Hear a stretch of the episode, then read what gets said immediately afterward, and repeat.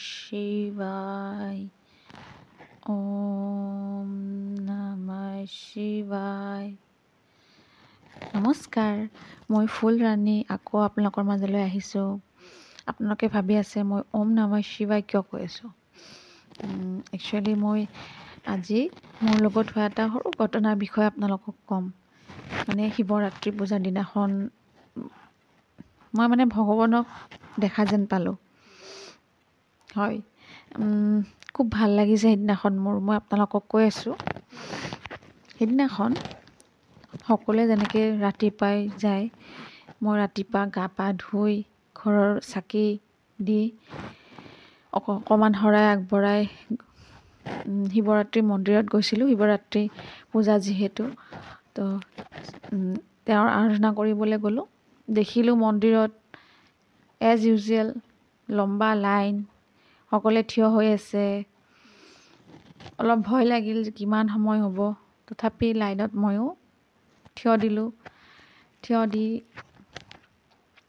সকলো মানে মোৰ ওচৰৰ ঘটনাবিলাক হৈ থকাবিলাক মই চাই আছোঁ।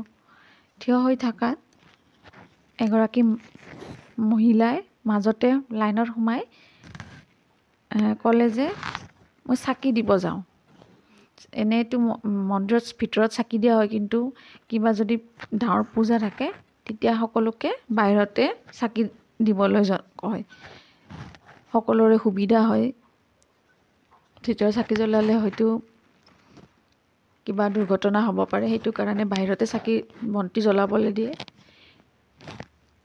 তেওঁ চাকি বন্তি জ্বলাই থাকোঁতে মই ভাবিলোঁ যে ময়ো আগবাঢ়ি চাকি বন্তি জ্বলাই লওঁ।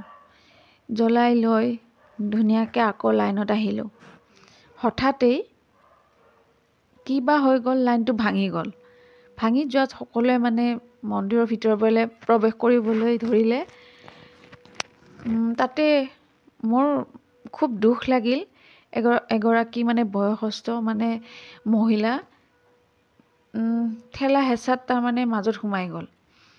তেওঁ ভিতৰ বাহিৰৰ পৰা ওলাব পৰা নাই চবৰে মাজত সোমাই গ'ল। মানে তেওঁৰ ইমান ভাল নহয় আৰু ভৰিখন ভঙা বুলি ক'লে কঁকালখন বিষায়। তো মই তেওঁৰ ওচৰত যোৱাত মই সুধিলোঁ আপুনি অকলে আহিছে নেকি? তেওঁ ক'লে যে মই যে এটা পাত দিব ফুল এটা পুষ্পাঞ্জলি মানে ফুল এটা যে অৰ্পণ কৰিব বিচাৰিছোঁ মই। মই জাষ্ট এটা ফুল অৰ্পণ বিচাৰ বিচাৰিছোঁ। তেওঁ তিনিবাৰ তেনেকৈ ক'লে। কোৱাত মই ভাবিলোঁ যে মই তেওঁ অকণমান সহায় কৰি আগফালে লৈ যাওঁ। তো মই তেওঁক ধৰি অকণমান মানুহৰ মাজত মই চবকে ৰিকুৱেষ্ট কৰি আগবঢ়াই লৈ গ'লোঁ। লৈ গৈ ক'লোঁ যে মই না মই নাই মোক নালাগে এওঁক আগতীয়াকৈ পঠাই দিয়ক কাৰণ এওঁ নোৱাৰে কঁকাল ভঙা। চ' প্লিজ আপোনালোকে তেওঁক যাবলৈ দিয়ক। কথাটো কোনো শুনা নাই গুৰুত্ব দিয়া নাই। মোৰ মইনো মোৰ কথানো কিয় শুনিব হয়নে নহয়?